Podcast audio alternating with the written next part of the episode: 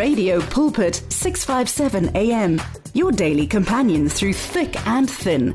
Download our mobile app or visit radiopulpit.co.za. Hartlike goeiemôre van my kant af. Ek is Christine Ferreira en dit is tyd vir met hart en siel dis 'n Dinsdagoggend en ons kuier saam tot 11:00 hier op Radio Kansel en Kaapse Kansel. Nou vandag kuier uh, Marius Botha by ons in die ateljee. Um en ons gaan 'n heerlike interessante gesprek hê oor wysheid. Ek gaan nou net so 'n bietjie meer oor hom vertel, maar hy gaan met ons gesels oor wysheid. Rediscovering Wisdom: The Forgotten Gift is 'n boek wat hy geskryf het. En Anja Letsatsi gaan met ons gesels oor 'n gebedsprojek vir kinders. Um, sy is al die pad uit die Kaap uit, so ons gaan telefonies met haar gesels. En dan kuier Charlene Grobler wat aan die hoof staan van die Leo Bo Louis Botha en Jacaranda Kinderhuise hier in Pretoria, hier by my in die ateljee vanoggend en sy gaan meer vertel oor hulle werk. En dan gaan Dr Poppy Helpflash van Bridal Love Ministries vertel van 'n geloofsamekoms vir kinders tussen 4 en 14 jaar wat op die 3de Februarie in die Kaap plaasvind. So bly gerus ingeskakel skakel vir sielskos en inspirasie. Jy's natuurlik baie welkom om saam te gesels. Die WhatsApp nommer is 082 657 2729. Maar ek begin soos altyd met skrif en Psalm 62 sê: Ek is rustig wanneer ek by die Here is. Dit is hy wat my elke keer red as ek in die moeilikheid beland. By hom alleen is ek veilig.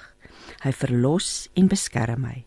Al is ek in die moeilikheid, sal niks my ooit onderkry nie. En dan verder in vers 6 sê dit: Ek het vir myself gesê, word stil en rustig by die Here. Om by hom te wees, gee vir my hoop. Ek vertrou hom. Hy beskerm my en hy red my. Hy is soos 'n wegkruipplek waar ek veilig is en daarom sal niks my onderkry nie. Psalm 62. Môre Marius, welkom in die ateljee. Goeiemôre Christine. Dis lekker om hier te wees. Nou Marius, ons het nou so 'n bietjie gesels voor die tyd. Jy's 'n interessante mens. Um jy's eintlik in die korporatiewe wêreld, in die wêreld van tegnologie en versekerings, finansies, allerlei dinge wat wat so ver verwyderd is dan van Ja, wat wil ek sê van jou ander werk? Jy's ook betrokke by die Every Nation gemeente in in Melville in ja. Johannesburg waar jou vrou voltyds pastoor is en dan is jy ook ehm, 'n um, skrywer. En jy is passievol oor die kritiese rol van wysheid in 'n Christen se geestelike en spirituele lewe. So dit is bitter interessant. Jy het 'n boek geskryf met die titel Rediscovering Wisdom: The Forgotten Gift, uitgegee deur Faith Story Publishing. Making God famous by telling his story is hulle hulle slagspreuk. So, jo, wat 'n wat 'n voorreg om vandag vir jou in die ateljee te hê. Baie dankie. Pa van twee kinders, 'n seun en 'n dogter 11 en 13. Jy, jy het jou hande vol. ja, en ek dink uh bo dit alles uh, moet ek daarom gelyk gee my vrou is eintlik die wyse een in die huwelik. So baie van die boek is ehm um, haar nalatenskap vir my. Weet jy maar wysheid, wat 'n wonderlike ding. Dit kom so baie in die woord voor en in ons gesels vandag baie oor kinders en die lewe van kinders en ek dink toe met myself maar mense het soveel wysheid nodig as 'n ouer. En dan om hierdie wysheid dan is jy Spreuke kyk so ek praat so baie keer met my seun. Ja. So dit is dit dit is, ons ons het wysheid nodig. Wat het jou laat besluit om hierdie boek te skryf en dan sê so 'n bietjie iets vir ons iets oor die titel in die boek self asseblief. Daar was eintlik verskeie dinge wat daartoe aanleiding gegee het. So een van dit was uh, definitief deur die COVID um, epidemie. Um, in ons plaaslike kerkverband um, het ons baie gesinne gehad met spesifieke uitdagings. So mm -hmm ouers wat hulle werke verloor het, besighede wat toegemaak het. Mm. En een van my observasies in daai tyd, uh, veral as ons mense begin bemoedig het of met hulle gewerk het, is dat mense soms emosionele besluite gemaak het. Ja. Um ander het weer oorhaastig besluite geneem. Party het weer lank gevat om tot 'n besluit te kom. Mm. En baie van dit het my laat wonder oor die mense siege en hoe maak 'n mens om gesonde besluite te neem en wat is die Here se rol en die Heilige Gees se rol in die neem van gesonde besluitneming. En een van die goed wat my vir my baie opvallend was, veral in 'n plaaslike kerkkonteks is mense is vinnig om te sê ek het 'n besluit in geloof geneem.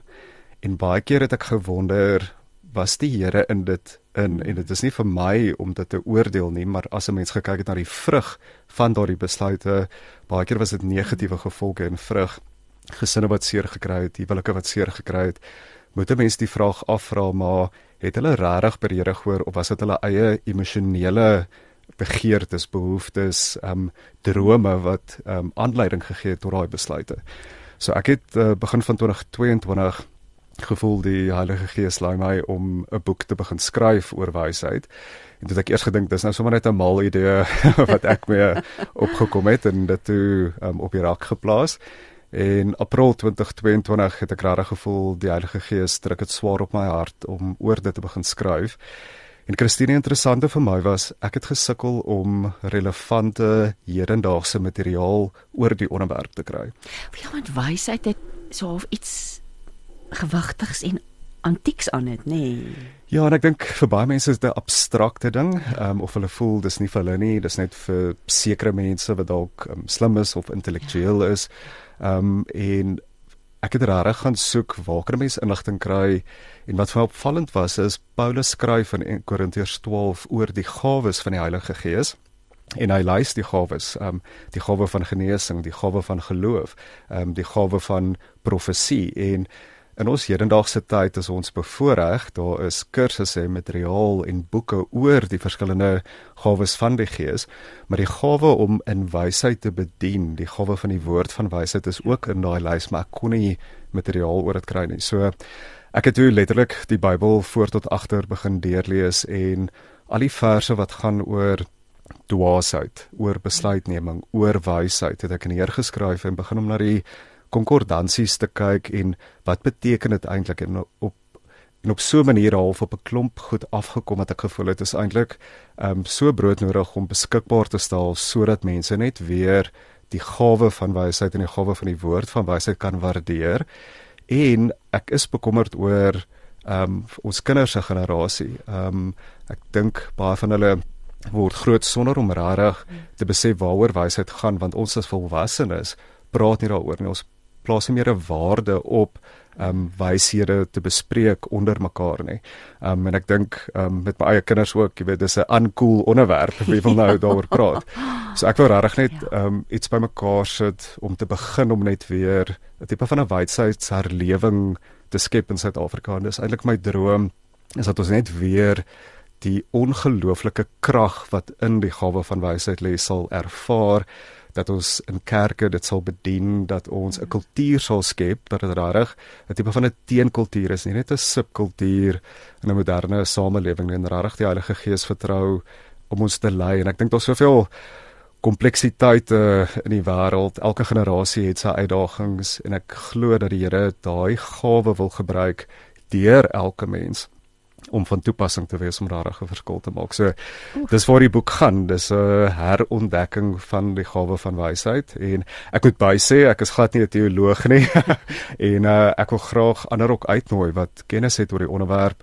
Lees die boek, ehm um, maak 'n bydrae. Kom ons maak dit meer toeganklik vir mense en my hoop is regtig dat ehm um, dit ja, wyd versprei algemeen sal wees. Hou van die ek hou verskriklik baie van wat jy sê want sonder wysheid kan ons regtig nie eintlik vorentoe gaan nie. En as jy sê hoeveel keer in die Bybel word dwaasheid genoem en of en dan en dan besluitneming en natuurlik ons weet almal kies jy verkeerd die gevolge daarvan. En as ons dan net ek mal oor wat jy sê, as ons net dit kan weer herontdek. En dis vir ons elkeen beskikbaar, nê. Terug ja, te gaan die... woord toe en skus Nee, vir die um, verse wat van reg uitgestaan het um, in my voorbereiding en navorsing vir die boek is in Spreuke 19 vers 3 en dit sê 'n mens se eie dwaasheid ontwrig jou lewe, maar dan verkwalik jy nog die Here daarvoor. En ek dink dit gebeur dit so maklik ja. in ons eie lewens dat ons maak besluite en dit werk nie uit nie en as ons vir die Here kwaad want ons voel dis die Here wat daai oor ons pad gebring het of dis die Here se skuld en ek dink baie mense mis eintlik 'n groot deel van die gesonde teologiese raamwerk wat is God het uit sy liefde uit vir ons vryheid van keuse gegee. Want dis eintlik wat Christendom verskillend maak as ander gelowe. Hy was vir ons so lief dat hy vryheid van keuse gegee het, nie om ons te manipuleer nie, maar om saam met ons en deur ons op aarde te werk. Maar daai vryheid van keuse kom met 'n verantwoordelikheid. Um, ons moet gesonde besluite neem, besluite wat in belang is van ander. Ons moet die gesonde vrug nastreef. En ek dink baie mense sonder om te besef het eintlik of daai verantwoordelikheid weer teruggeskuif op die Here en gesê maar as dinge nie uitwerk nie is dit die Here se skuld terwyl ons eintlik net weer moet terugkom by elkeen van ons moet rentmeesterskap uitoefen oor ons eie besluitneming oor ons eie lewens. En ons moet leer as ons verkeerde besluite maak as ons ongesonde besluite maak. En ons moet eintlik praat daaroor hmm. um, hoekom sekere dinge verkeerd gaan. En dan nie die Here blameer nie maar eintlik net self verantwoordbaarheid neem en daaruit leer Want weet jy, my ma sal altyd sê maar die Here het ook vir jou gesonde verstand. ja, presies. Uit haar diep gelowigheid ook sal sy dit sê en dis eintlik so waar, nê. Ek wil nou vir jou vra want jy vra die vraag. Die boek is in, in Engels geskryf uit die aard van die saak dat dit toeganklik kan wees. Ja. Almal dit kan lees. So, maar ons gaan maar in Afrikaans gesels. Jy vra die vraag wat het van wysheid geword? What what has become of wisdom? En ek wil nou vir jou vra where is wisdom gone? Ek wil net die eerste wat wat sê where is wisdom gone? Skus ek weet. Yeah, what happened to wisdom? What happened to wisdom? wat het what happened to her? Ehm um, en ek wil net vir vrou, hoekom dink jy? Wat het van haar geword en waarom sukkel ons so? Hoekom kom ons wysheid so kort? En ons leef eintlik in 'n tyd voel dit vir my persoonlik dat ons meer wysheid as ooit nodig het. Ja. Daar's soveel nuwe dinge waarmee ons gekonfronteer word. Dat ons nie regtig weet hoe om te hanteer nie. Jy het gepraat van al die generasies wat wat maar hulle nuwe eie dinge het. Maar waar waar is waar sy heen? ja, die titel van daardie hoofstuk reflekteer eintlik uh, my eie soeke na wysheid. Ehm um, ek is lief vir lees en ek is lief vir om te probeer volg wat gebeur in die politieke spektrum, wat gebeur in ekonomie, wat gebeur in verskillende areas van die lewe. En dit het regtig swaar op my hart gelê en soms eintlik in die gees heilig oor waar Suid-Afrika is met die um, ekonomiese uitdagings, mm. ons politieke bestel, ons het soveel korrupsie en wanorde, goed wat verkeerd gaan en die Bybel is baie duidelik dat wanneer ons wyse leiers het wat oor ons regeer, sal daar gesonde vrug wees in ons land en in die wêreld. En die feit dat daar soveel um, spesifieke dinge is wat verkeerd loop, is eintlik tekenend daarvan dat ons nie leiers het wat regtig wyse besluite neem of in 'n groter belang van 'n gemeenskap wyse besluite neem nie. en um, soos ek die Bybel gelees het, um, het ek besef selfs iemand soos Job, um, hy het natuurlik deur 'n baie moeilike fase van sy lewe gegaan en hy is getoets en ons weet dit was binne die Here se toelaatbare wil dat um hy soveel uitdagings moes deurgaan en ervaar. Um en hy skryf in Job 28 vers 9 tot 13 hierdie ongelooflike mooi stuk waar hy sê die mensdom weet hoe om rotse te breek om die wortels van berge om te keer. Hulle kan tonnels maak in die rotse en hulle kan kosbare skatte daar kry hulle damstrome op en dit bring verborgde skatte na die lig. So ons het hierdie ongelooflike vermoë as 'n mens om um innoverend te wees, om skepend te wees, om goed te bou wat reg tot voordeel van 'n breër gemeenskap kan wees. Maar dan sê hy, maar weet mense waarom wysheid te vind? Waar sal hulle soek vir begrip? Niemand weet waarom dit te vind nie. Dis nêrens tussen die lewendes te vind nie. Net God ken die weg daarheen. En ek dink dit is my so opsommend van daai um, inleidende hoofstuk is ons kan soveel intellektuele stimulering kry. Ons kan advies kry van gurus in sekere velde. Um, maar dit is nie noodwendig dat die opbou van al daai kennis gesonde vrug dra nie. En wysheid gaan eintlik oor die toepassing van kennis op 'n manier wat gesonde vrug dra, um, wat staat met ook gesonde oordeel en wat reg voor die Here te bring um, ons besluite en Um ek dink ook veral in ons um kerke, ons um, geestelike opleiding vandag, die uitdagings waarmee mense sit in die werksplek. Dit is so belangrik dat ons mense toerus hoe om gesonde besluite te neem waar hulle getuienis is in die werksplek. En dit is nie maklik nie. Mense het regtig ongelooflike groot uitdagings, onderwysers. Ehm um, as ons kyk na die nuwe skoolwetgewing en beleidsdokumente. Ons stuur af op koalisie regering ehm um, teen teen 1 in die verkiesing ehm um, hierdie jaar al daai goed gaan nuwe uitdagings bring. En die vraag is, gaan ons as samelewing leiers kies wat wyse besluite neem of gaan ons aanhou om onsself eintlik maar onderdanig te stel aan mense wat net selfsugtig vir eie belang besluite neem? Ja, weet jy, soos wat jy gesels, jy raak so rustig en dit voel vir my dis deel van om wyse te gaan soek, gaan ons moet gaan stil sit. En ons gaan moet teruggaan na die woord. Um wat sodat jy in 'n oomblik 'n wyse besluit kan neem. Ja. Want ons het nie altyd tyd om om om mooi rustig te gaan dink oor wat oor ons pad kom nie. Ek wil nou vir jou vra as jy nou die woord wysheid moet opsom en ek dis nou eintlik 'n baie onregverdige vraag. Wat sou jy sê na jou mening? Wat is wysheid? So ek dink ehm um, ek gaan verwys na 'n uh, aardse vorm van wysheid wat hmm. ook gesond is en in lyn met God se woord en dan 'n bonatuurlike manifestasie van die gawe van wysheid. Nou in die eerste plek dink ek algemene wysheid is maar net om gesonde oordeel toe te pas. Mense het nie altyd al die feite tot jou hmm. beskikking nie. Ehm um, soms moet 'n mens staat maak op beperkte inligting, opinies van mense. Mense kan wyd konsulteer. Maar wysheid is om 'n klomp verskillende faktore op te weeg, mooi daaroor te reflekteer wat gaan die moontlike gevolge daarvan wees en dan om die uitkoms te kies wat ons dink die regte antwoord is in 'n spesifieke hoedanigheid. Ehm um, en ons moet kan onderskei tussen al daai komplekse faktore en teenwigte half baie keer ehm um, en dan uh, vir daai spesifieke besluit gaan. En ek dink Bybelse wysheid of die gawe van wysheid gaan 'n stapie verder en dit is om dieselfde te doen maar ons um, maak Jesus betrokke by daai besluit. Ons vertrou die Heilige Gees om ons te help om daai regte besluit te neem, om die faktore op te weeg, om selfs die opinies van mense rondom ons of gewilde opinies van die dag te gaan ontleed en regtig stil te word vir Here en te sê maar Here, is hierdie ding gesond? Is dit regtig um iets wat in lyn is met die woord, is dit iets wat betekenisvol gaan wees vir mense of is hierdie ook uit selfsugtige ambisie um wat gedraai word? Um so rarig godvreesend te lewe soos wat ons besluit te maak. En ek dink baie keer lewe ons kompartementeel en ek dink dis 'n uitdaging vir mans maar ek dink ook um vanuit 'n kultuur oogpunt uit ons is geneig om te sê um sonnig in 'n kerk toe en ek het dalk 'n selgroep of 'n connect groep en daar praat ons op 'n sekere manier maar wanneer ek na my werk toe gaan waar daar mense is van ander gelowe, ander kulture, ander wêreldbeskouings is dit baie keer moeilik en om nog steeds in daai omstandighede Jesus deel van dit te maak um deur gesonde oordeel toe te pas. Dit is vir my waaroor die toepassing van wysheid gaan. Die, die woord emosie en intuïsie kom deeltyd nou in my gedagtes op. Tree ons moet ons so ingeoefen wees, moet ons so oop wees vir hierdie gawe van wysheid dat dit intuïtief kom. Ooh, wat is die verband? Want wysheid voel so deurdink en rustig en goed en dan kom emosie en intuïsie en wat wat is vir jou gevoel hieroor? So ek is glad nie so kinderlik nie. maar uh, ek glo in die beginsel dat ons en die Here het ons geskep siel, gees hmm. en liggaam.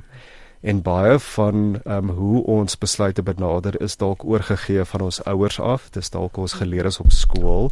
Dis dalk op grond van wat kenners op 'n spesifieke gebied amper half vir ons sê ons moet doen ehm um, oor 'n spesifieke ding. En ek dink wysheid is allesomvattend dat daar is 'n komponent van ons sielsmens of die emosionele wêreld wat 'n rol speel in ons besluite neem.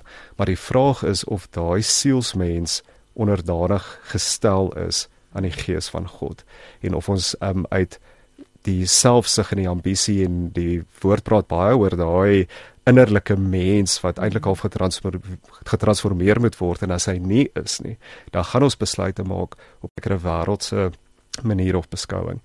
En intuïsie, ek dink regtig daar is in terme van ons geestesmens het ons eintlik die voorreg as Christene om God se stem te kan hoor, om die Heilige Gees se leiding te kan hoor in 'n spesifieke gebied en ek dink intuïsie vir my speel 'n groot rol in terme van as 'n mens regtig hoor by God, gee dit vir ons eintlik 'n baie groot voordeel wanneer dit kom by besluitneming want die Bybel is baie duidelik dat God het daai gawes geskep om ons te bemagtig maar ook om ander mense mee uh, te bemagtig. En daarom dink ek gesonde besluitneming is al drie van daai fasette om te kyk na dit wat in die natuurlike riem gaan, dit wat in ons innerlike mens en ons emosies aangaan en ook vanuit 'n geestelike oogpunt om by die Heilige Gees te hoor en dan moet daai goed in lyn kom met mekaar. Um, en wanneer dit onderdanig gestel word aan die woord, ons kan dit gaan meet. Is dit in lyn met God se riglyne? Gaan die vrug daarvan goed wees? Dan het ons 'n groter waarskynlikheid dat dit 'n wyse besluit gaan wees. En dan gaan dalk nog steeds dinge gebeur wat fout gaan want ons lewe in 'n gebroke wêreld, dinge werk nie altyd uit nie. Maar self dan sê God, hy's in ons besluite. As ons met 'n opregte hart ehm um, doen wat ons moet doen en ons woeker en ons probeer die regte ding doen. Al werk dinge nie uit nie, hy's nog steeds in dit mm. en kan hy nog steeds dinge omkeer in ons belang in. Ja, die boek is propvol skrifverwysings en dit wys net vir 'n mens hoe 'n belangrike deel van ons geloofslewe wysheid is as as as die Here soveel keer daarna verwys in sy woord. Wes kan eintlik dis eintlik dis so lekker om weer terug te gaan en in jou boek weer te gaan lees en weer en weer en weer en goed dat ons al lankal vergeet het. Ja, vir my was dit fascinerend uh toe ek navorsing gedoen het vir die boek, die hoeveelheid materiaal in die Bybel wat gaan oor wysheid, dwaasheid, uh, besluitneming, die hoeveelheid karakters in die Bybel wat op hierdie soeke was na um gesonde besluite en die gevolge moes dra of die gesonde vrug kon ontvang van die um besluite wat hulle neem. Um en daar is eintlik soveel pertinente dinge wat die woord sê. Ehm um, seker van dit is nogals redelik erg. Ek self was geskok geweest as ek dalk net vinnig kan noem. Een van hulle was in Jakobus 3 waar Jesus se broer dit geskryf. Ehm um, en hy maak hierdie onderskeid tussen ehm um, sekulêre of wêreldse wysheid en dan wysheid gelei deur die Heilige Gees. Ehm um, en hy sê op 'n stadium dat ehm um, aardse wysheid wat ehm um, kom van bitter jaloesie, van selfsugtige ambisie. Hmm eintlik is dit demonies van aard. En toe ek dit raak lees, het dit my nogals getref hoeveel van wat ons doen as ons nie versigtig is nie is eintlik nie 'n getuienis vir die Here en die uitbreiding van sy koninkryk nie maar speel ons in die hande van wat die vyand wil hê ons moet doen wat Satan wil doen en dit is om vernietiging te saai om oneenheid te bring om ons af te breek um, om ons huwelike af te breek ons uh, familiestrukture af te breek om die samelewing af te breek. Um en hy sê dis so mooi opsomming eintlik van wat 'n um, hemelse of Bybelse wysheid is in Jakobus 3 vers 17. Hy sê die wysheid wat van bo kom, met ander woorde van die Here af deur die Heilige Gees, is in die eerste plek suiwer. Dit is vredelewend. Dit is inskikkelik Dit is bedagsaam met ander woorde, dit is eerbiedig teenoor ander mense. Dit is bereid om ontferming te betoon. Dit het goeie gevolge. Dit diskrimineer nooit nie en is altyd opreg. Want dit is my so 'n um, sterk kontras wat Jakobus geskryf het oor hierdie verskil ook in die gevolge tussen die twee en ook wat belangrik is dat ons regtig moet besef waaroor hierdie gawe gaan. Jacqueline sê môre Christine en Marius there is a scripture that says we should obtain knowledge and then let that bring understanding so that we can receive wisdom to apply the knowledge. Dit kom net deur die skrif te bestudeer en te mediteer sê Jacqueline en, en dit is dis die waarheid nê? En ek wil nou vir jou vra die najaag van wysheid. Want ons sit en luister nou na jou en en dink jy ek wil eintlik regtig graag wyser in my. En dit die, die lewensomstandighede verander nê. As 'n jong mens soek jy 'n ander soort wysheid as wat jy ouer is maar die die intense in intentionele najaag van wysheid. Hoe kry ons dit reg? Want as dit 'n gawe is is dit net vir sommiges is dit vir ons almal bedoel? En hoe maak ons dit ons eie? Ek het baie geworstel jy is vir my. Ehm um, spesifieke vrae en ek dink in die eerste plek wil ek noem God die Vader is die toonbeeld van wysheid. Die hmm. skrif sê dis deur wysheid wat hy die aarde geskep het, dat hy die mens gemaak het, dat hy die diere en alles wat daarop is gevorm het. Um, en daar is hierdie konsep van regtig hierdie ongelooflike skepingswysheid wat Jesus het. Maar dan gaan die woord verder en sê as mens is ons geskape na die beeld van God. Hmm. En omdat ons na sy beeld geskape is, beteken dit per definisie elkeen van ons dra 'n proporsie van God se wysheid in ons lewe. En die manier hoe ek daarna kyk is soos wat elkeen van ons gebore is met um, verskillende spiere en goed in ons liggaam wat verskillende uh, doele dien, glo ek elkeen van ons is geskape met die spier van wysheid. Die vraag is net of jy dit ontwikkel, of jy dit oefen, of jy dit sterker maak of jy in dit groei. En ons baie spesifieke skrif wat bevestig dat as ons die Here vra vir wysheid, sal hy dit vir ons gee.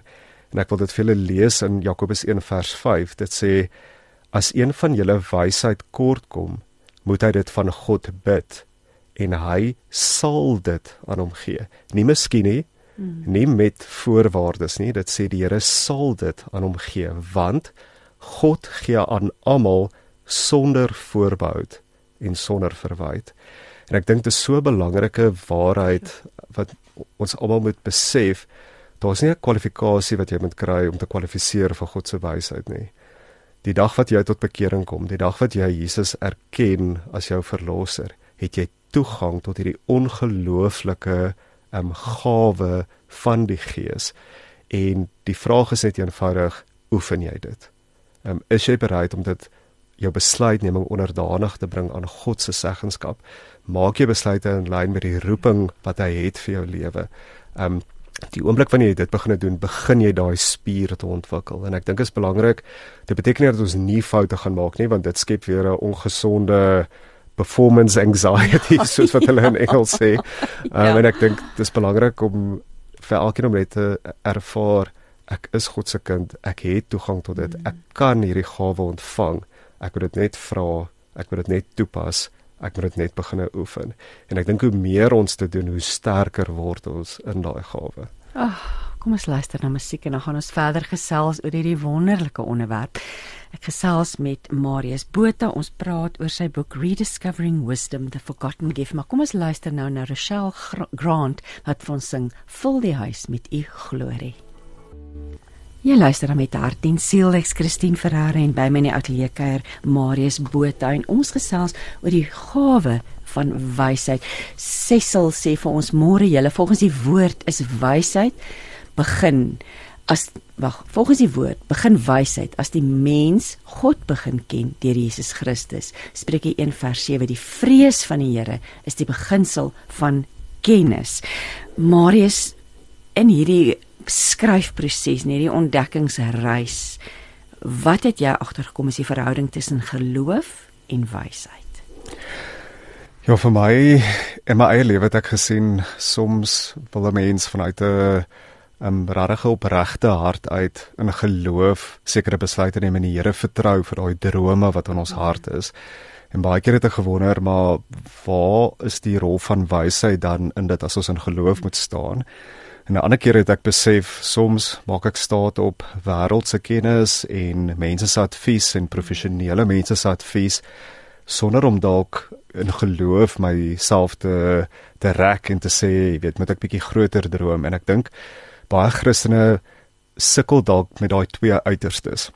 Ja, baie mense dink ek in die een ekstreem neem alles op grond van hulle eie ervarings, kennis wat hulle opgedoen het sonder om die Here te betrek by dit en ander weer dink ek op 'n opregte maar naïewe manier doen goed in geloof maar sonder om rarig uh, te besin oor die hoe van hoe sekere dinge moet uitwerk. En ek dink die groot ding vir my en ek het 'n hele hoofstuk aan dit toegewy wanneer maak mense besluit in wysheid wanneer maak jy om 'n geloof? En die die groot ding vir my was die twee gawes kan nie mekaar weerspreek nie want as God juis um, die een is wat geloof is en hy's ook die een wat wysheid is in sy persoonlikheid en sy persona beteken dit dat wanneer ons in daai gawes beweeg, daai gawes kan nie teen mekaar werk of teen mekaar gaan nie. En ek dink dit is belangrik om in al twee gawes um in te gaan wanneer ons besluite neem.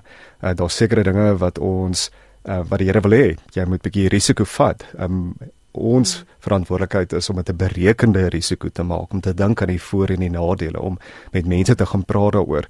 Maar terselfdertyd dink ek ons kan nie net in die vlees uh, besluite maak nie. Ons moet die Here vertrou.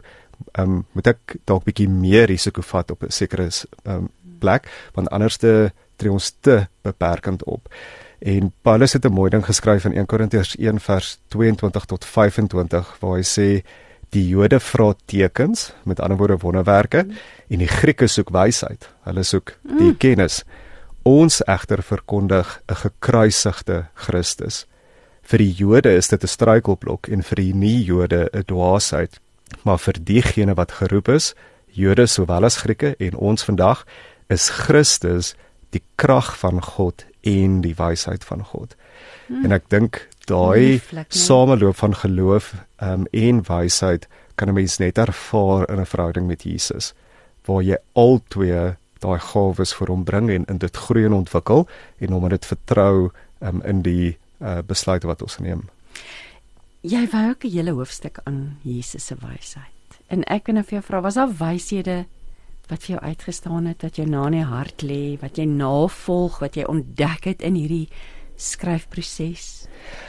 Ek het nog nooit regtig na Jesus se lewe gekyk vanuit 'n um, perspektief van hierdie tema van wysheid nie. So dit was vir my ongelooflik om um, verskeie goed te ontdek oor wat die woord sê. Um in 1 Korintiërs 1:30 sê dat hy is die verpersoonliking van wysheid. In Spreuke lees ons dat hy was die argitek langs God die Vader toe die aarde geskep het en wanneer ons um, Spreuke lees is al baie keer verwysings na wysheid met 'n hoofletter ek wysheid, die persoonlikheid van wysheid wat praat. Maar as ons tot die besef kom dat Jesus die verpersoonliking van wysheid is, kan ons Spreuke lees en eintlik al daai hoofletter wysheid vervang met Jesus. Ek Jesus nooi jou uit om na my toe te kom en dit het vir 'n nuwe betekenis oopgemaak om die boek van Spreuke te lees. Um Jeremia 23, Jeremia het geprofeteer, Jesus gaan regeer met wysheid. Ons is op aarde geskep om te regeer, dit is wat die woord sê, maar Jesus um, gee vir ons die autoriteit om dit te kan doen. Ehm um, so deur ons lewe regeer hy nog steeds met wysheid. Ons moet net sy leiding ontvang.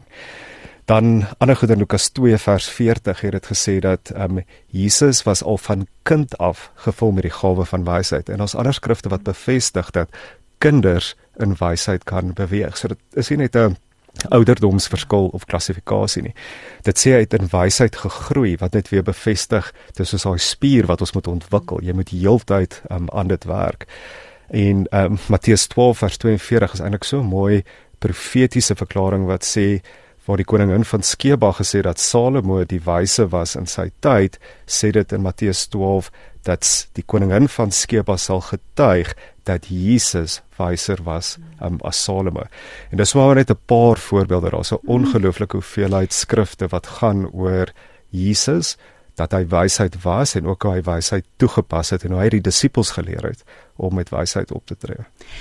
Die boek het regtig interessante hoofstukke want daar's ook 'n hoofstuk wat wat die die leser lei oor oor hoe om hierdie gawe te ontvang, hoe om dit te groei, te ontwikkel, te bevorder en dan die gawe van the word of wisdom. Dis my iets om vir die Here te vra vir 'n woord van wysheid. So dalk 'n paar riglyne vir me, vir mense wat luister wat net weet hoe gaan ons te werk om om meer wysheid te bekom, om wyser te wees. Ehm um, hoe groei ons in hierdie wysheid? Soos jy nou tereg gesê dit, daar word ook verwys Jesus het groei in wysheid. So ek wil net eers die onderskeid tref tussen die gawe van wysheid en die gawe van die woord van wysheid want ek dink dit is belangrik. So die gawe van wysheid is wat die Here vir ons gee tot ons eie voordeel. Die gawe van die woord van wysheid is vir ons bedien in die Heilige Gees gawe tot ander se voordeel en al die gawes van die Heilige Gees in 1 Korintiërs 12 het daai in die definisie dat dit is om ander mense mee te bedien en 'n groot deel van die boek gaan ook spesifiek hoe om daai gawe verantwoordbaar te bestuur en te ontwikkel. Ja, maar op jou vraag mislei ja. as jy weer vanuit jou eie wysheid op. Ja, en om nie mense te manipuleer nie want ek dink ja. dit gebeur baie. Ja, ja, ehm ja, um, ja. maar om terug te kom by jou vraag oor hoe om te groei in wysheid, 'n groot deel van dit is om die woord te ken en te verstaan. Daar is soveel riglyne in die Bybel wat vandag relevant is vir hoe ons besluite neem.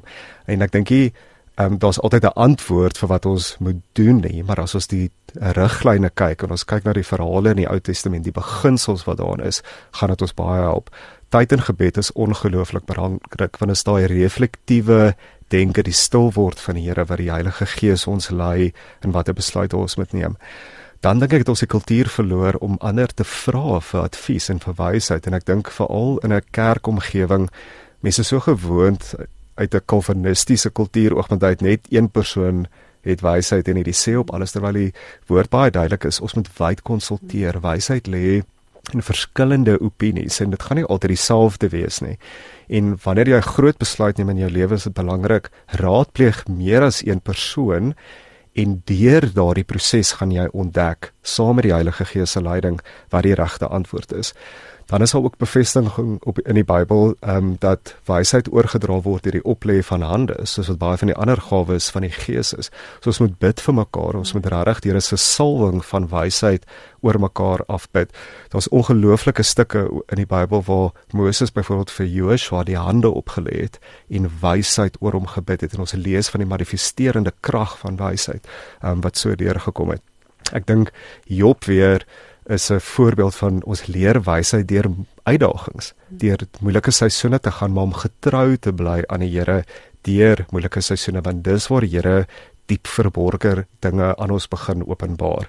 So daar's soveel verskillende maniere waar ons kan groei en ontwikkel in die gawe van wysheid. En ons het dalk nie tyd vandag nie, maar in die boek spesifiek skryf ek oor daar's verskillende manifestasies van wysheid. So ons lees in die Afrikaans of die Engelse Bybel nie die woord wysheid, maar daar was verskillende terme vir dit in die Hebreëse teks en dit beteken verskillende goed. En wanneer ons dit gaan lees, dis woorde soos gogma, gagma, tushia, sachal al daai goed beteken verskillende manifestasies van wysheid en ek dink ons moet weer 'n waardering vir dit begine skep want dan gaan ons die breë spektrum van um, wysheid en besluitnemingstegniek eintlik beter verstaan en dis die hart agter die boek. Maar jy maak my verskriklik opgewonde. Dit voel vir my jy het jy het nou nog gepraat van 'n beweging. Ek ek voel jy het iets weet. Kan jy net dink wat 'n verskil gaan dit maak in die lewe van individue, in die lewe van ons gemeenskap as ons almal met wysheid optree? Ehm um, so Ja, ek is so bly jy het hierdie boek geskryf. Dit maak my okay. opgewonde, jou hart hiervoor maak my opgewonde. En in ons tyd is inderdaad min. Ek voel ons gaan dalk 'n opvolggesprek met hê oor wysheid. Hier is soveel te sê, maar iemand wat vanoggend luister en graag met jou wil kontak maak, die waar kry hulle hierdie boek in die hande? So die maklikste is om die boek op uh, takealot.com te bestel. So is daar beskikbaar. Um, hulle kan net soek vir Rediscovering Wisdom uh, deur Boris Botha. En dan is mense ook welkom om my te e-pos by mbota3@gmail.com. So dis mbota en die syfer 3@gmail.com. Ehm um, ek het ook ehm um, onlangs 'n uh, audio boek verwerking klaargemaak van die boek. Dit sal binnekort vrygestel word. Daar's ook 'n studiegids uh, beskikbaar vir die boek vir kursusformaat of materiaal as mense belangstel ehm um, dat ek kom opleiding doen in kerkverband of in besighede mm. of iets kan hulle ook my net e-pos en skryf. Ehm um, ja, so die maklikste is mbota3@gmail.com of op Tagalot. Maar ek wou net vir jou vra praat jy met mense? Ek, kom jy daar buite en vertel jy vir mense want dit is absoluut 'n wonderlike wonderlike konsep. Ja, so dit is my hart. Ek sal graag wil hê dat ons weer 'n waardering vir wysheid skep. Ek voel deur het my geroep in hierdie seisoen om juis met meer mense daaroor te praat, die boek beskikbaar te stel. Ek wil graag baie van die inhoud op digitale platforms begin beskikbaar maak en op so 'n manier dit meer toeganklik maak uh, vir 'n generasie. Maar my groot hart is ook dat ander mense moet saampraat en saam skryf oor hierdie onderwerp want ehm um, die woord sê elkeen van ons het beperkte kennis. Ehm um, so dit sal vir my wonderlik wees as ander mense ook ehm um, 'n deel kan bydra om hierdie meer relevant en toeganklik te maak. En dan so laaste vraag, is jy voel jy wyser vandat jy nou hierdie boek geskryf het? Man, daar's 'n aanhaling wat sê elke man is 'n dwaas vir ten minste 5 minute elke dag en wysheid is om nie daardie limiet te oorskry nie, so ek dink. Ehm um, my vrou herinner my gereeld nog aan die dwaasheid van die man in die blik. Maar ek dink dit was vir my beide. Dit is vir my 'n proses gewees waar ek regtig wyser geword het, maar ook hoe meer ek gelees het rondom wie Jesus is, waarvoor hy gestaan het, hoe meer het ek besef hoe dwaas ek eintlik is in my eie lewe. En ek dink dis deel van ons geestelike groei is om 'n groter afhanklikheid um te skep op die Here in ons besluitneming en nie net in ons eie krag staat te maak nie. So vir my is die kort antwoord, ek voel meer wys en meer dwaas. maar jy kan my vrou vra, sy is of jy meer objektief kan sê. Ek wil net ter afsluiting die boek se titel herhaal Rediscovering Wisdom the Forgotten Gift. Marius Botha is die skrywer met wie ek nou gesels het. Jy kan dit koop op Takealot en jy kan as jy met Marius wil kontak maak, hy bied kursusse, klink dit vir my aan soos jy nou sê Marius, daar's groot drome vir hierdie hele wysheidsprojek. Um mbotha3@gmail.com. Jy luister met hart en siel en nou gaan ek gesels met Anja Letsatsi oor 2BC World 2 billion children. En as jy mense op hulle webwerf ingaan sien jy mense dadelik children have the power to change the world. There are over 2 billion children in the world under the age of 15. In in in God wants every child to be a world changer. Môre Anja. Is jy daar? Ooh, Anja is daar weer van die van die lig af. Nou Anja is deel van 'n span wat kinders wêreldwyd in gebed en evangelisasie oprig. En ehm um, soos ek reg gesê het, jy kan meer gaan lees oor hierdie hierdie projek wat uh, by www 2bc.world en Anja sê die Here is besig met 'n besondere werk onder kinders en bedieninge wat met kinders werk. En nou het ons vir Anja op die lyn. Môre Anja Goeiemôre Christine. So, so lekker om by julle te wees. So lekker om met jou te gesels. En wat 'n opwindende projek is jy nie by betrokke nie. Wil jy nie asseblief vir ons 'n bietjie meer vertel oor hierdie projek en wat dit alles behels nie? Dankie Christine. Ons is so opgewonde oor wat die Here bymekaar bring op die oomblik. Die uh, die 2BC inisiatief staan vir 2 billion children. En dit is 'n platform wat geskep word vir kinders onder die ouderdom van 15 om gesien en gehoor te word in die wêreld van gebed en evangelisasie. Um, ons weet dat 2 biljoen kinders in die wêreld tans onder die ouderdom van 15. 1 biljoen van hulle is in Asië en 'n halwe biljoen op die kontinent van Afrika alleen. En ons ervaar net op die oomblik dat daar so 'n sterk oproep is vir kinders om deur kerke en gemeenskappe erken te word um, en nie net bereik te word nie, maar regtig uh, toegerus te word om inisiatief te neem en, en leiding te neem in die groot opdrag wat Jesus vir ons in Matteus 28 gee. So um, ons wil regtig vir kinders met kapasiteit gee om te glo vir die onmoontlike. Um, ons weet dat dit 'n sensitiwiteit vir die gees en 'n gawe om Here se stem te hoor en um, hulle het net kanale en geleenthede om hulle skoolmaats en gemeenskappe en selfs families te bereik soos niemand anders kan nie. So ons is regtig bekommerd net uh, opgewonde oor hierdie fokus en wat die Here doen tans. Sê wat wat wat is julle droom wat, en wat doen julle prakties? Hoe hoe hoe gaan wat is wat wat doen julle hier in Suid-Afrika? Want dit is 'n wêreldwye ehm um, uh, inisiatief. Dis korrek. Ja, so die die drie pilare van die platform is kinders vir die stem van die Here hoor vir hulle self. So eerstens ons droom is dat elke kind sal leer om die Here se stem vir hulle self te hoor en 'n daai persoonlike verhouding met hom te bou. En dan tweedens dat hulle regtig 'n identiteit in Christus sal ken en sal wandel, dat hulle gefestig en net weer deur disipelskap regtig diep sal gaan in wie hulle is in Christus. En dan laastens dat hulle toegerus sal word deur die Gees en deur die kerk en gemeenskappe om die goeie nuus met ander te kan deel, weet in hulle eie kapasiteit, hulle eie kreatiwiteit, hulle eie uitdrukking daarvan. So dis regtig die drie pilare waarna ons mik en prakties uh, vorm ons vennootskappe met kerke, ons werk met bedieninge om kinders toe te rus, maar ook om kinders regtig 'n prioriteit te maak om hulle sentraal te maak in in waarmee kerke besig is. Um tweedens, weet werk ons regtig met getuienisse van kinders. So ons wil getuienisse beskikbaar maak en dit regtig 'n kultuur maak dat die Here deur klein kindertjies wil werk, jy weet in evangelisasie en in gebed. Um ons bied waardevolle hulpbronne vir kinders en vir families en bedieninge wat met kinders werk wat beskikbaar is op ons webwerf. En dan um, mobiliseer ons ook kinders en families in gebed. Um, so ons het byvoorbeeld op die oomblik uh, 21 dae van gebed vir die boeddhiste wêreld waar kinders en families aanlyn 24 uur reg om die klok um, bid vir die boeddhiste wêreld en net fantastiese getuienisse wat daar uitkom. So dit is maar 'n paar praktiese maniere waarop ons um, kyk dan om kinders en hulle families te bereik. En natuurlik eh, dit is 'n groot aanlyn, daar is 'n groot aanlyn teenwoordigheid, seker juis omdat jy met kinders werk.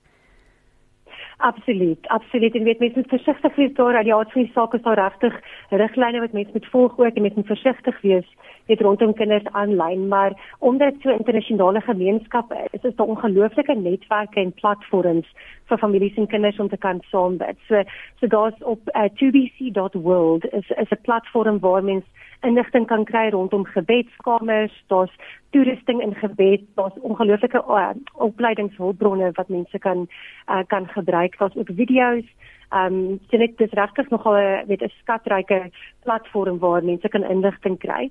So dit is 2bc.world en daar's ook inligting oor ander vennote waarby hulle kan kan toerusting en inligting ontvang. En hoe lank is hierdie inisiatief al aan die gang? Is dit iets nuuts ehm um, en waar het dit begin?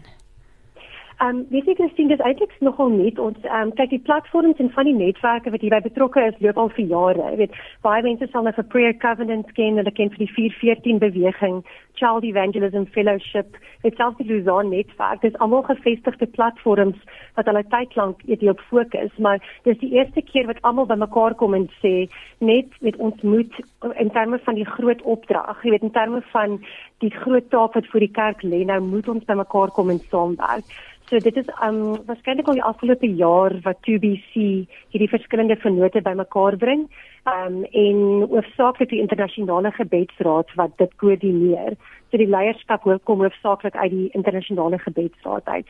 En jy het genoem dat jy werk met kerke, jy kontak, so jy jy reik uit. Jy jy het vennote.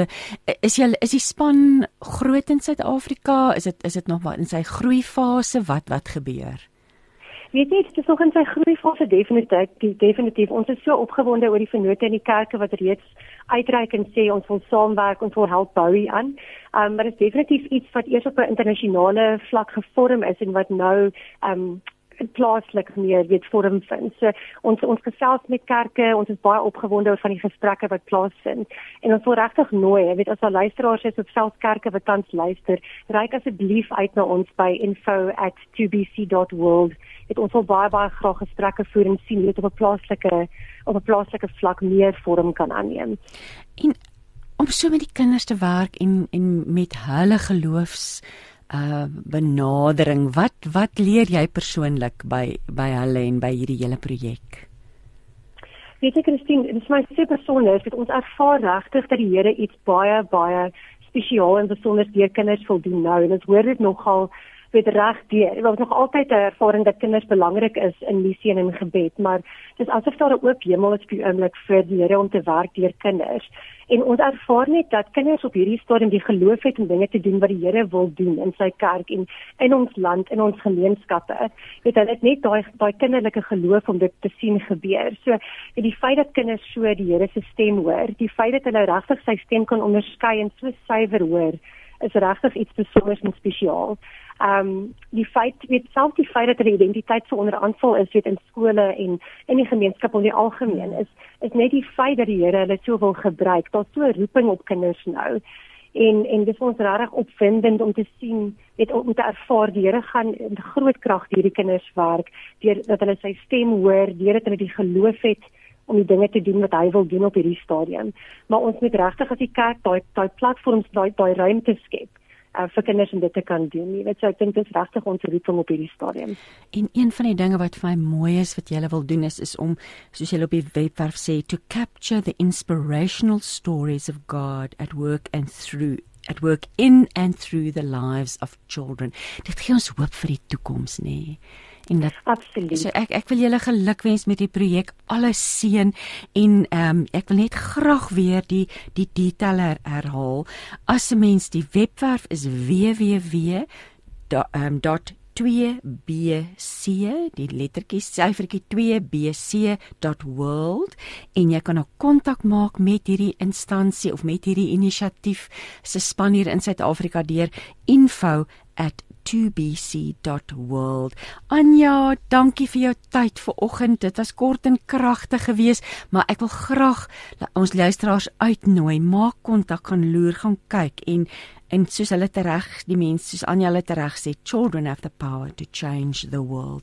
Anja, vreeslik dankie. Laaste gedagtes van jou kant af Baie dankie Christine. Dit is net so voorreg om saam met julle te wees vanoggend. Ons sien regtig uit om hande te vat reg oor die land en ons wil regtig mense nooi om saam met ons op pad te stap en net ruimte te skep vir ons kinders. Die Here wil so deur hulle werk in hierdie tyd. So dankie vir die geleentheid en baie seën op julle ook in julle werk. Dit is 'n groot plesier. En nou het ek die voorreg om te gesels met Charlene Grobler. Sy sit hier by my in die ateljee. Sy is die uitvoerende hoof van Louis Botha en Jacaranda Kinderhuise in Pretoria. Charlene, dis 'n allemintige taak. Welkom hier in die ateljee. Dankie so baie so voorreg om hier te wees. Charlene, jy is 'n sosiale is 'n sosiale werker van beroep. Dis ehm um, waar jy jou passie begin uitleef het as jong mens, dink ek al. Uh maar jy staan die afgelope paar jaar in die hoof van die Louis Botha en Jacaranda Kinderhuise. Vertel ons 'n bietjie vir ons van jou pad tot hier. Ek het nou die aanname gemaak dat jy al van jongs af 'n passie vir mense en swaar kry gehad het, maar hoe loop jou pad gelyk tot hier?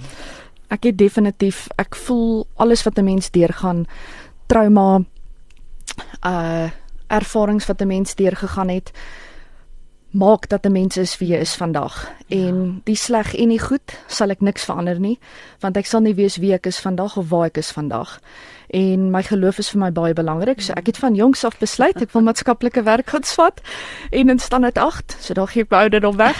Ek vir my ouers gesê ek wil graag dit swat en hulle sê nee man, aanleg toetse en wat weet jy? Ek sê ek weet, ek ja. weet. Um het die Here jou geroep om dit te doen? Was daar 'n 100% sonder 'n twyfel?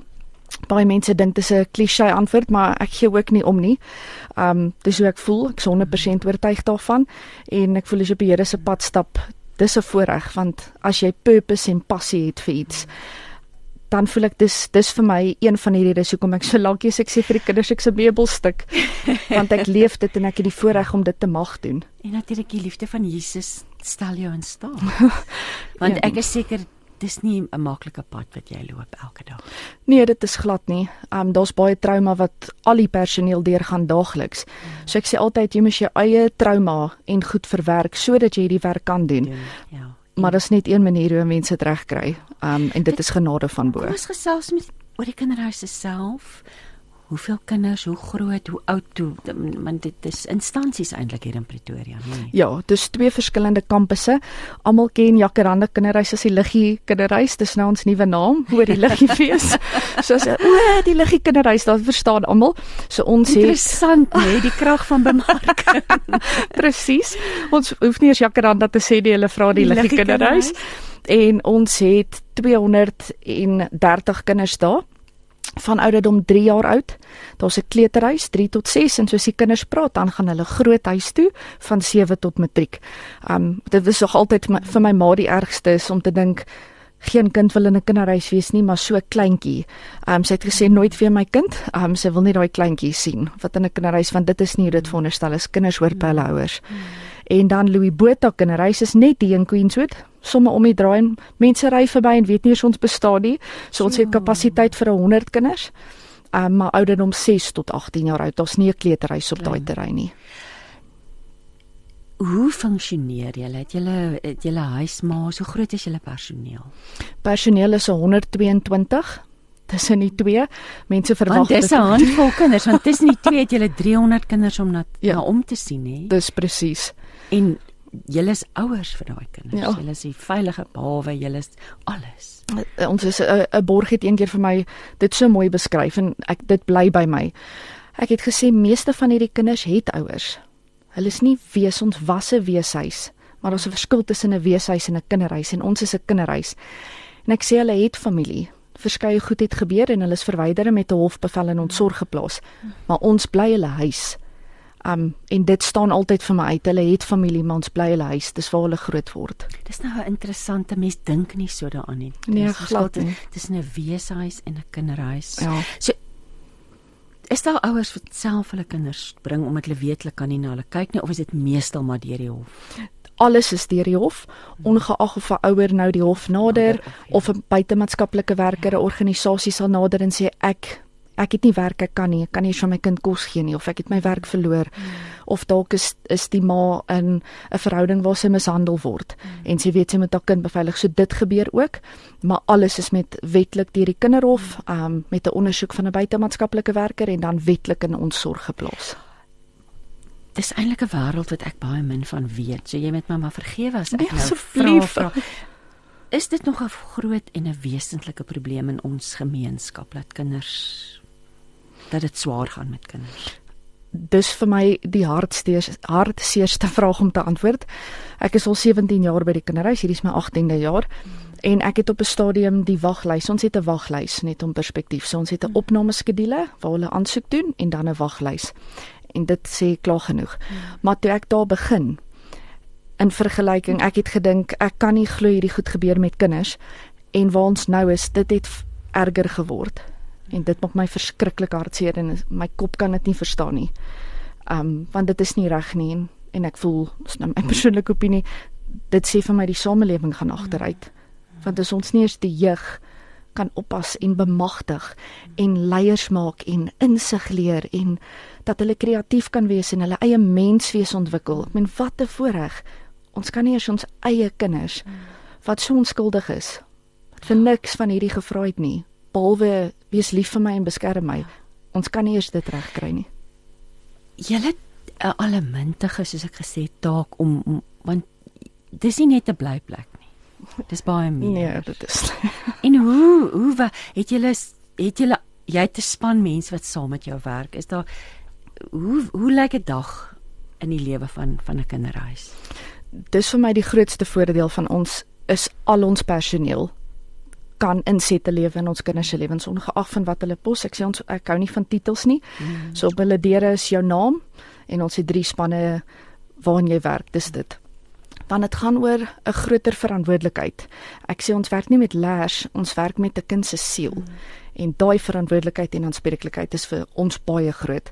So om 'n multidissiplinêre span te hê waar almal inset te lewe is regtig vir ons baie belangrik. En almal het die geleentheid om dit te te kan doen elke liewe dag. Die drywers het geleentheid om voorbeeld te wees. Um hoe ons op die pad te mens dink nie so daaraan nie. Maar gaan ons nou vloek en skreeu oor die verkeer wat erg is of gaan ons net rustig hanteer en die voorbeeld bly en hou by die spoedbeperking? So om 'n voorbeeld te wees en en dis iets wat ons by die kinderhuis ons visie is empowered enablers. Ons wil ons kinders bemagtig en nie net van pay it forward, maar op sig van gee terug bemagtig ander. Want ons kinders se potensiaal is so groot mm. en ons het die voorreg om dit te kan sien en te kan ontwikkel. Ja, en ek daar's min goed wat vir my so lekker is soos mense ontwikkel ek.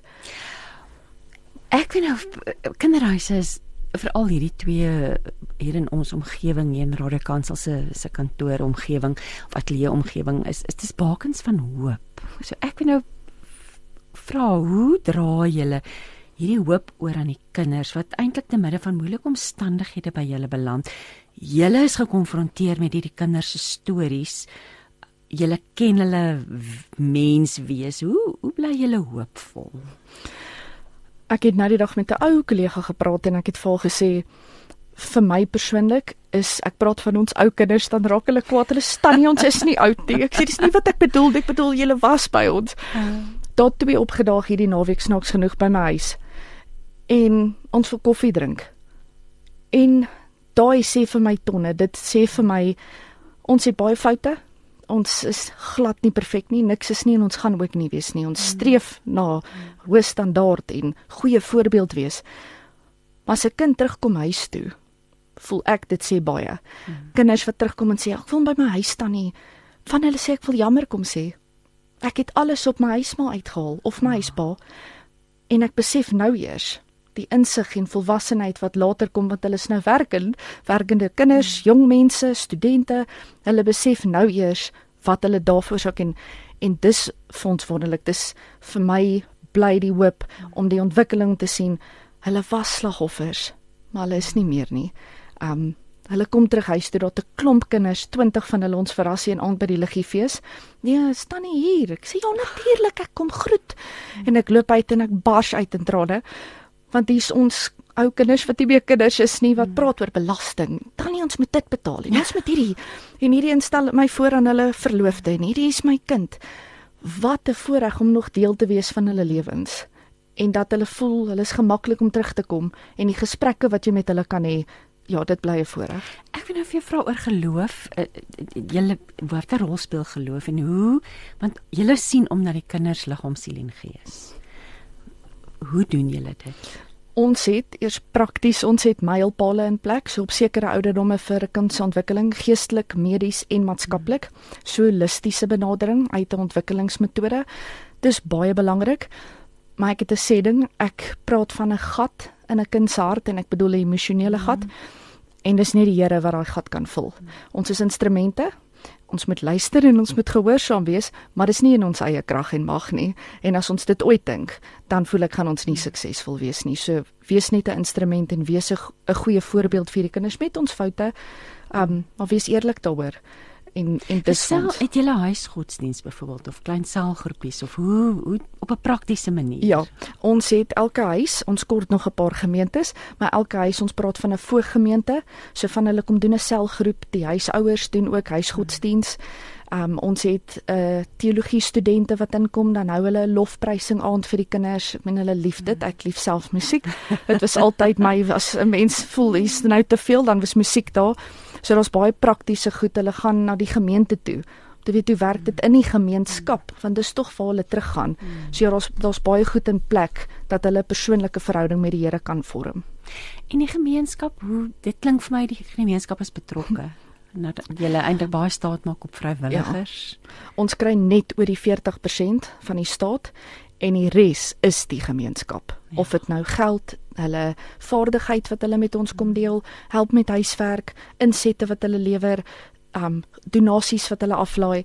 Ek ek sê dit altyd die gemeenskap onderskat wat hulle vir ons beteken. Dis hoe ons ons deure oop hou. Maar dit is nou vir baie interessant want aan die een kant sien jy die swaar en aan die ander kant is dit 'n werk. Jy moet hierdie klomp balle in die lug hou en dan die teendeel is die liefde en die openhart of die ja, die openhartigheid van van van die gemeenskap, nê. Ja. So jy het jy het 'n baie bevoordeelde plek van waar af jy leef elke dag. Dit nie? is ja, ek moet sê in in my lewe die die perspektief wat 'n mens het van die swaar kry maar terselfdertyd hoeveel mense wil help as hulle net mm. weet hoe. So ja, ek sê altyd ek praat van 'n legkaart en ek voel ek het 'n voorreg om elke dag hy legkaart te bou met 'n klomp rolspelers. Um niks is net ek ek voel geen mens weet alles nie maar om 'n span te hê hmm. en ons kan saam die leg kort bou en daai wonderlike prentjie maar die gemeenskap ek sê is ons as personeel se enablers hmm. dis hoe ons hierdie reg kry. Hulle is ons hulpbron. Hulle ondersteun ons meer as wat hulle ooit sal dink en dan het ons die voorreg om dit te kan doen te dank aan die gemeenskap. Ek wil nou 'n ander vraag wat nou my gedagtes opkom. So groep groot groep kinders bymekaar want dit is nou in in in 'n huis waar daar 2 of 4 kinders is, is dit al klaar moeilik. Julle 201 en 1 en 300 nie ja. ander kant. Hoe balanseer julle liefde en dissipline? Want dit is sekerlik 'n uitdaging, nee. Dit is definitief veral met ons kinders se trauma, dis komplekse trauma. Hmm. So hulle kies nie wanneer hulle gaan uitreageer. Hmm. Jy weet, iets gebeur, ons praat van triggers. Dis 'n reuk. Dis 'n tekstuur, dis iets wat hulle ruik. Hmm. Um, hulle weet dit nie eens van hulle self nie. So vir 'n huisma om 12 verskillende kinders, verskillende ouderdomme, verskillende persoonlikhede toe met liefde en dissiplineer en dis vir die multidissiplinêre span. Daar's 'n gedragskode. Um ons sê ja, daar's sekere goed wat gaan gebeur, maar daar's daar's aksies en dan se konsekwente en jy moet besluit op dit en om hulle reg te leer. Maar ons grootste ding is met hulle eerste lief hê.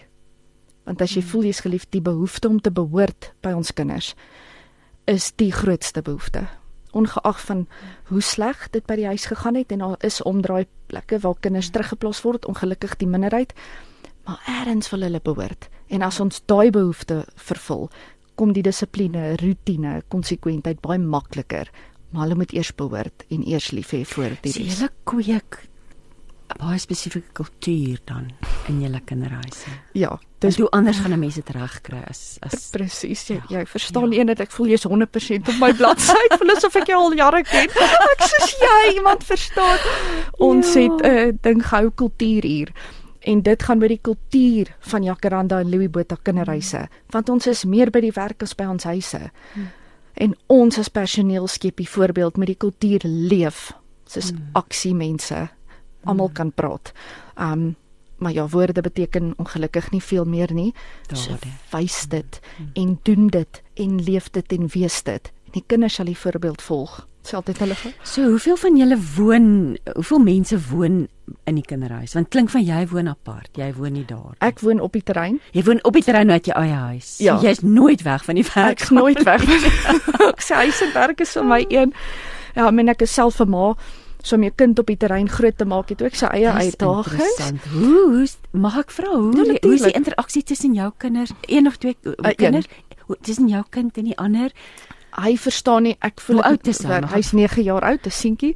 So hy het ook al 'n bietjie, hy weet al wat Ja, hy aangaan. weet en hy vra vra maar vir my is dit 'n voorreg want ek kan sien my kind het emosionele intelligensie. Mm.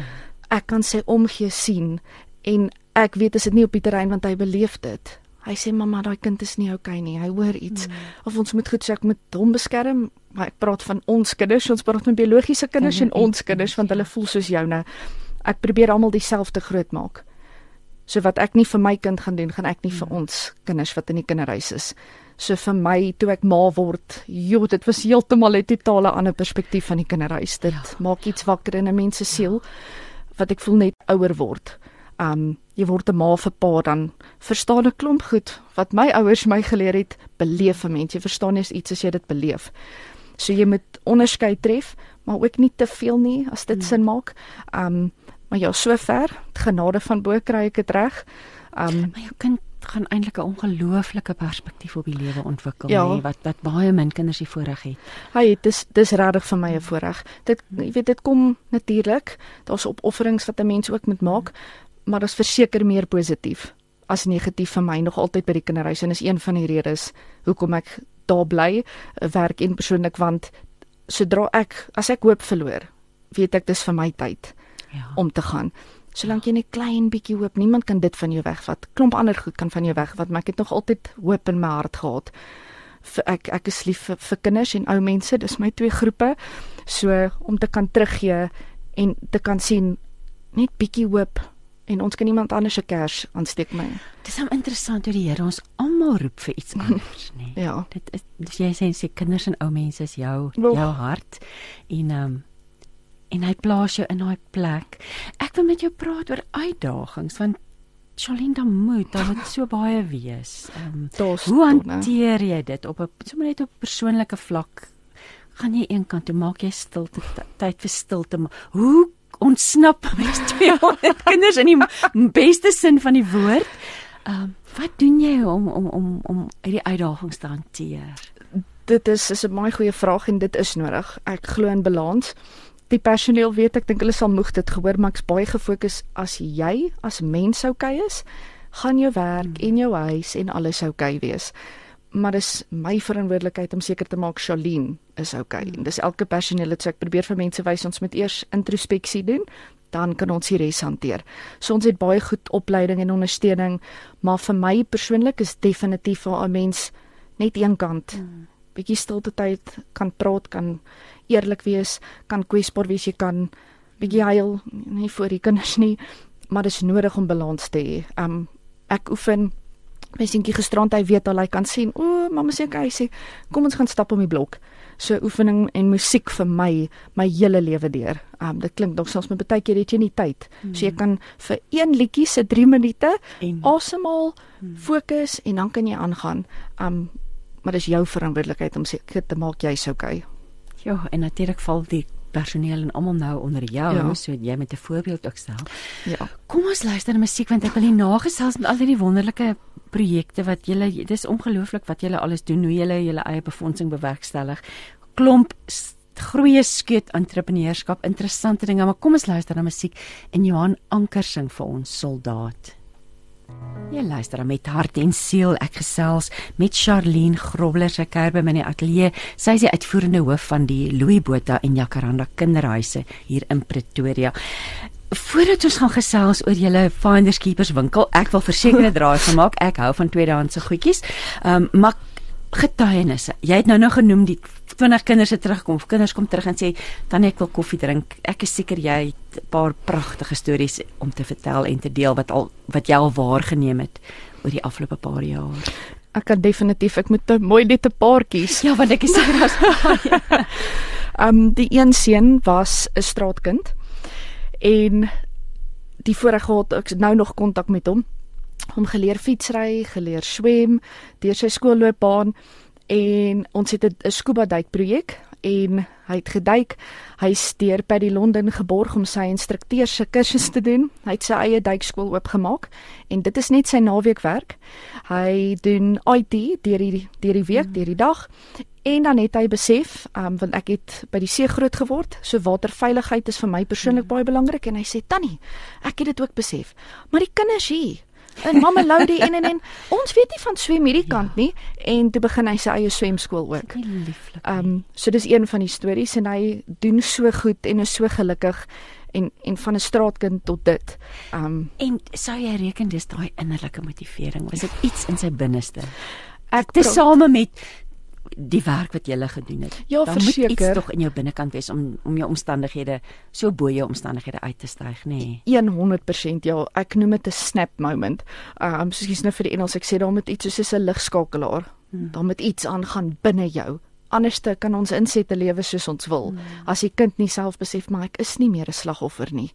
Um ek het hierdie oorwin en ek is uit daai omstandighede uit en hy definitief vroeg dit begrip en besef en en een van ons ander kinders bitter swaar gekry en sy het gesê sy wil studeer en sy's geborg om de, en sy het op PhD.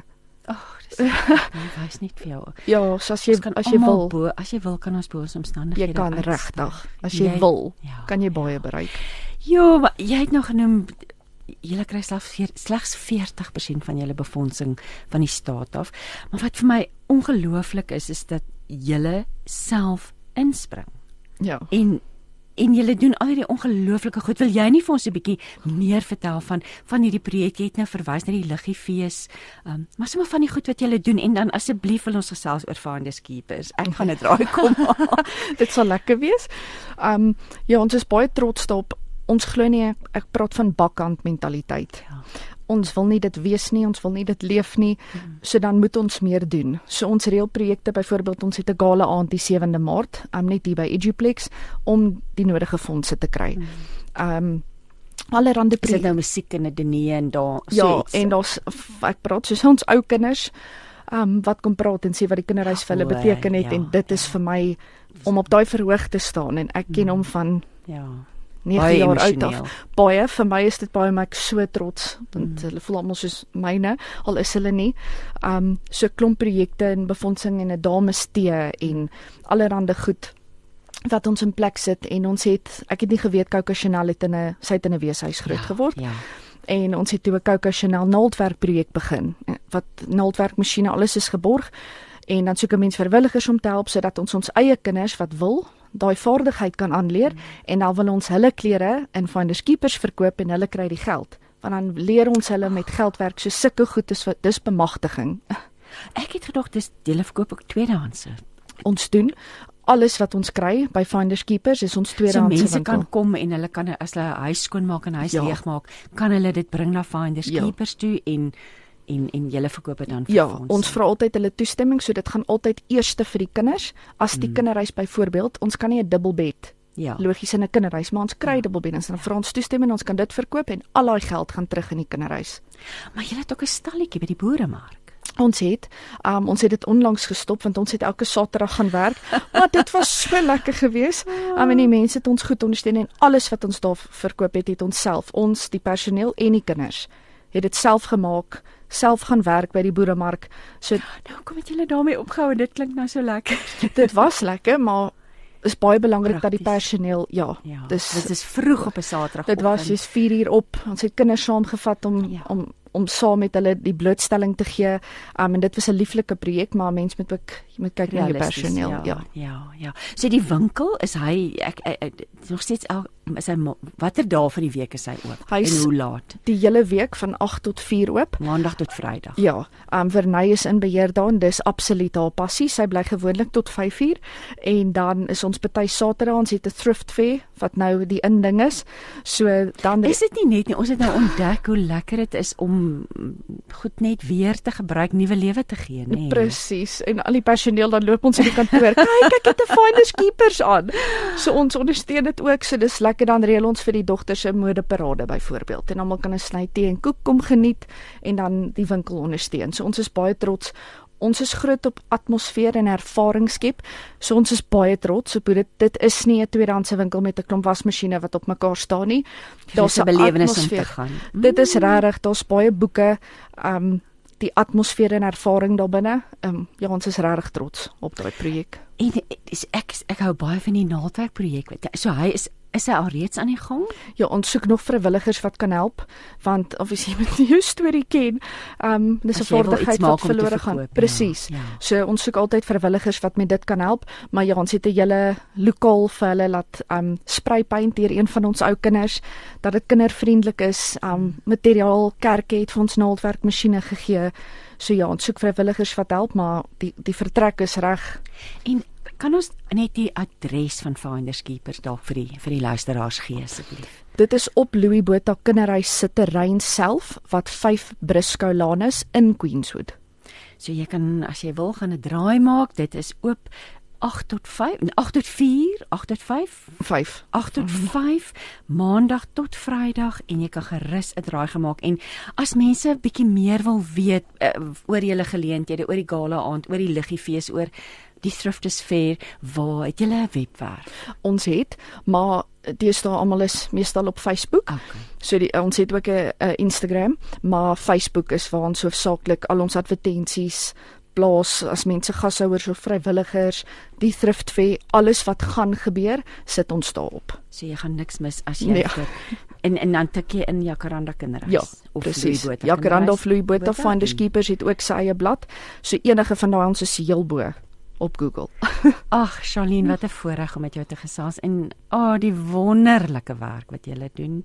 Mag die Here julle regtig seën. So lekker gewees om te hoor en en ook te hoor dat jou geloof so groot rol speel in hierdie hele proses.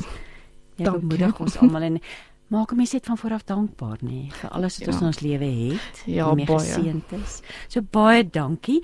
Ehm um, ek gaan net die webwerf eh, of uh, dit is nee nee nee die, ja die web jy hm. kan of jy ja Louis Botha @children.co.za jacaranda children.co.za as jy wil 'n e-pos stuur andersins gaan kyk gerus op Facebook en Instagram en bly op hoogte van van al die lekker dinge wat wat gebeur en as jy wil betrokke raak ook as 'n vrywilliger, ehm um, gaan maak daar 'n draai. Shalien baie baie dankie.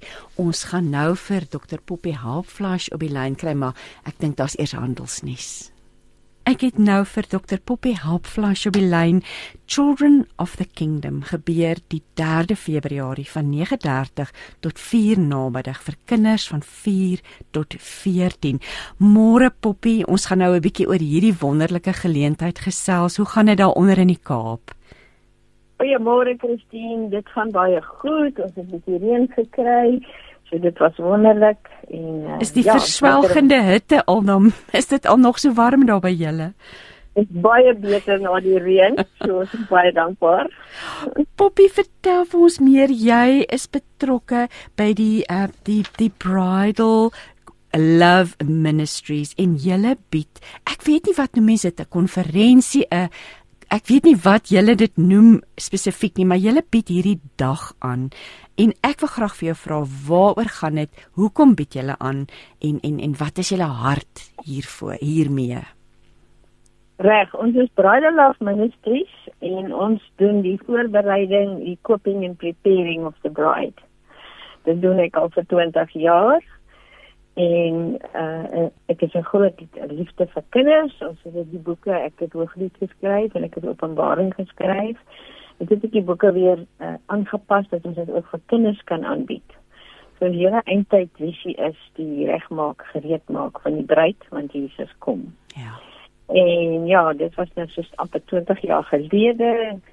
Uh tyd het verbygegaan en is op die Here my terugvat na waar ek begin het. So ek het 'n droom gehad en dit is vir my baie lekker. Gewoonlik ons doen geleenthede. En as jy met die droom gee, dan is dit eintlik soos die blueprint. Dan doen ek maar net wat ek in die droom gesien het. En dit het gegaan oor ons moet die kinders voorberei.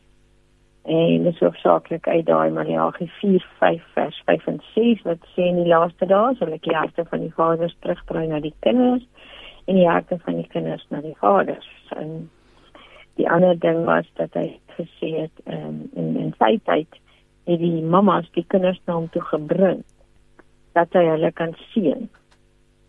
En dit gebeur nie meer so gereeld nie. Die ouers bring nie meer die kinders nie dat hy hulle kan sien.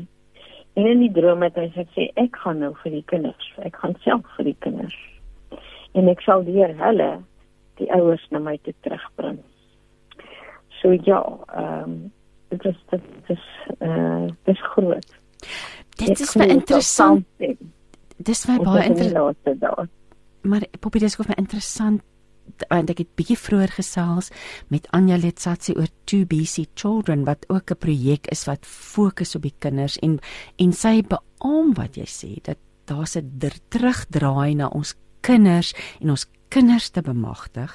Um hier op hierdie op julle advertensie uh, is daar 'n stukkie skrif wat uit um, Joel 2 vers 28 tot 29 wat sê parents God is calling your children for such a time as this let's gather and ask him to pour his spirit out on them. So hierdie geleentheid van die derde julle julle julle werk met kinders 4 tot 14 um wat gaan julle alles op hierdie dag doen? Hoe lyk die program? Ek moet daar 'n verandering bring. Die 4 tot 14 het toe geword tot 16 en nou is dit al tot 20. Hoe is dit? Dit is ons het vier groepe gehad, nou tot ses groepe. En jy hoor die honger. Daar's mammas wat sê, "Maar kan ons nie maar net insit nie? Ek wil net hê wat my kind gaan kry." Ja. So, waar op, op dit tog gespits is is in Markus 9:36.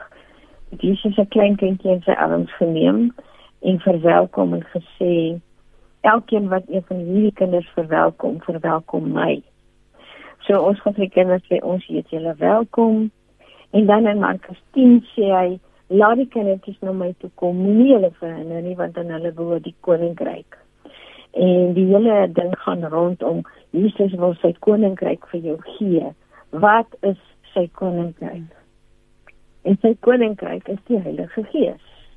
En dan gaan ons hulle bedien rondom die Heilige Gees want Heilige Gees is die een wat in jou kom bly, wat jou leer, wat jou raad gee, wat vir jou jou trooster is, wat jou leidsman is en hy's 'n baie goeie onderwyser. En die Heilige Gees neem jy besit van die koninkryk. Hy het ook die kindertjies wat die uh, mamas wat wel die kindertjies gebring het en die disippels wou keer het hy gesê moenie hulle keer nie want aan hulle behoort die koninkryk van God.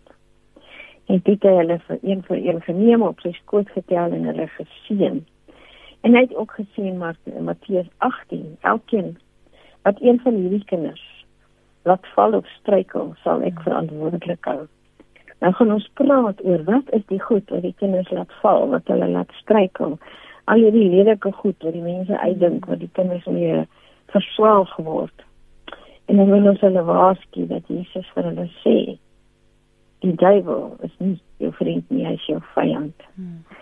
En hoekom hoe dit gebeur het, gaan ons net vinnig daaroor praat en dan nog meer vir hulle te sê, maar nou wil jy die koninkryk ontvang. Wil jy dit hê? En daarvoor moet hulle natuurlik 'n harte vir die Here gee. En ons doen ook 'n stukkie oor dat Abba Vader, jou hemelse Pappa is soos wat hy die kinders op sy skoot vertel het, gaan ons pappas godsmanne daar hê wat op stoele sit en die kinders kan self kies na wat hulle intoe hulle wil gaan en presies soos Jesus hulle hulle hulle arms vat op die skoot tel en hulle salf en met olie en hulle seën. Want daar is so baie vaderlose hmm. kinders. En ons vertrou vir die salwing van die Here wat die kinders se leë hartjies wat 'n pappa beeld aan betref sal volmaak. So hulle moet dit kom vat en as jou hart voel soos 'n klip, dan gaan die Here hom sag maak weer dat jy kan lief hê. Terugkom na Jesus toe. Ja, dit klink na 'n absolute wonderlike geleentheid, Poppy. Ja, ons is regtig baie opgewonde. Ons het gisterand 'n sessie gehad en jog die salwing was soos tasbaar.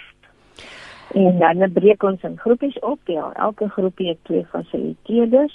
Uh, uh, oor die algemeen paartjies, 'n mamma en 'n pappa of dan 'n man en 'n vrou wat ons nou ken wat vir die kinders begelei in die storie. En dan het ons 'n breek en dan moet ons na middagete terugkom, ons hou sommer piknik, gaan ons praat oor die krag van die bloed van Jesus. en die nagmaal. So elkeen kry 'n rooi kombersie om op te sit.